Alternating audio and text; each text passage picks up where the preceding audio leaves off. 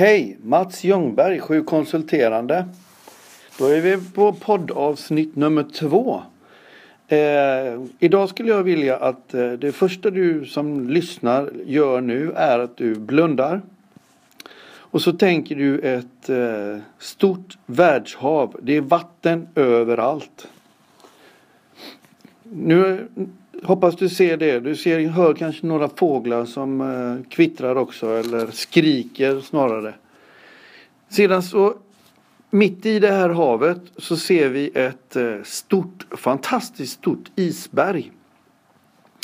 Och vad är det isberget och varför pratar jag om det här? Jo, isberget symboliserar de här medvetna eh, valen, höll jag på att säga, men de här, den här medvetenheten kunden har om vilka behov eh, som han eh, önskar och har. Eh, och det är ju det här vi eh, tittar på, de här specifika kraven, priser, leveranstider, de här relativt enkla sakerna att ta fram ifrån en kund när vi ställer frågor. Men däremot så är det så här att nu ska vi göra så att nu ska vi ta ett djupt andetag samtidigt som vi fäller ner cyklopet och så dyker vi ner under vattenytan. Här ser vi massor av isberg. Isberget är bra mycket större än här nere än vad det var här uppe. Och det är nu vi ska börja jobba på riktigt. För här ska vi leta. Vi ska borra, vi ska hugga, vi ska fixa, vi ska göra allt möjligt omöjligt för att hitta kundens problem. Vad är kunden missnöjd med? Och vad är det för någonting som vi skulle kunna göra som kunden egentligen inte vet om överhuvudtaget att eh, vi kan göra. Enklaste sättet att, att eh, jobba med det här för att liksom titta på problemfrågor eller möjlighetsfrågor det är ju att fundera på rent generellt sätt. Vad har kunden för problem? Och när vi väl har identifierat de problemen så gör vi om dem till frågor och därefter sen ställer vi de frågorna och så kommer kunden sen själv att komma på att han har problem.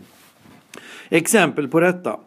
Eh, jag var ute med en säljare han eh, visste att han var ett litet företag. Kunden som han köpte av idag var ett mycket större företag. Kunden eh, berättar att han är jättenöjd med eh, leverantören. Leveranser flera dagar i veckan. Rätt produkt, rätt priser och så här.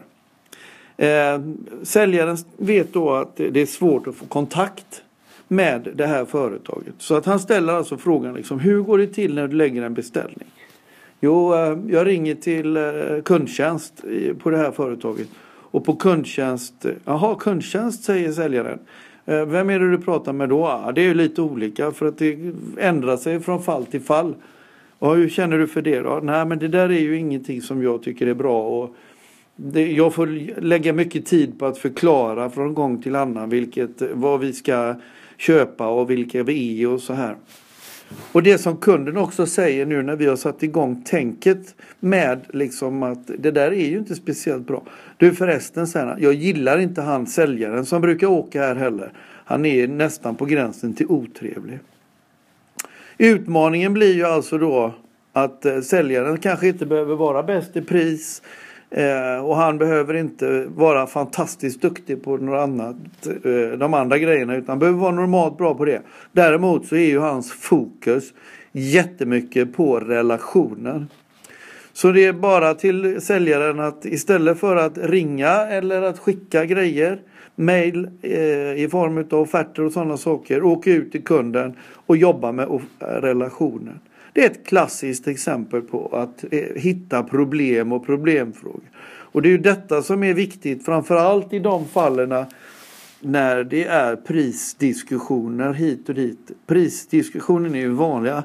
Det är väldigt vanligt när jag kommer ut att, eh, att, jag har, att mina kunder säger det att ja men det är bara ett lågt pris så äh, köper kunden.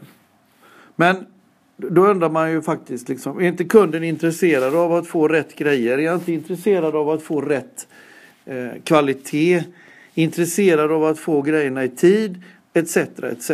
Är det trevligt? Han behöver, som säljare behöver vi inte ens vara trevliga utan vi kan, har vi ett lågt pris så kan vi mer eller mindre be kunden dra åt helvete samtidigt. Jag tror inte det. Och det är därför som det är så viktigt att vi jobbar med isberget. Och vi jobbar under vattenytan. Och det är här som det finns så mycket roligt att hitta.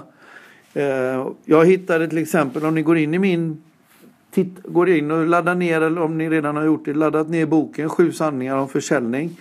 Så på sidan 47 som egentligen handlar om konkurrenter eh, han är också ett sånt klassiskt exempel där vi överträffar kundens förväntningar. Han är egentligen inte medveten om att eh, Eh, att det fanns att göra det som jag erbjöd honom. Men när han väl gjorde det så var han fantastiskt eh, nöjd och glad.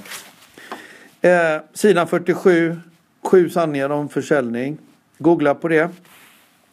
Det var allt för den här gången. Eh, jag tackar för att ni har lyssnat under de här cirka sex minuterna. Vill ni eh, läsa mer så finns jag ju som ni vet överallt. Facebook, Twitter, Instagram och eh, LinkedIn, Youtube och numera också på podd. Eh, allting kan ni titta på i, eh, på 7konsulterande.se. Skriv siffran 7 konsulterande.se. Tack ska ni ha för idag och happy selling!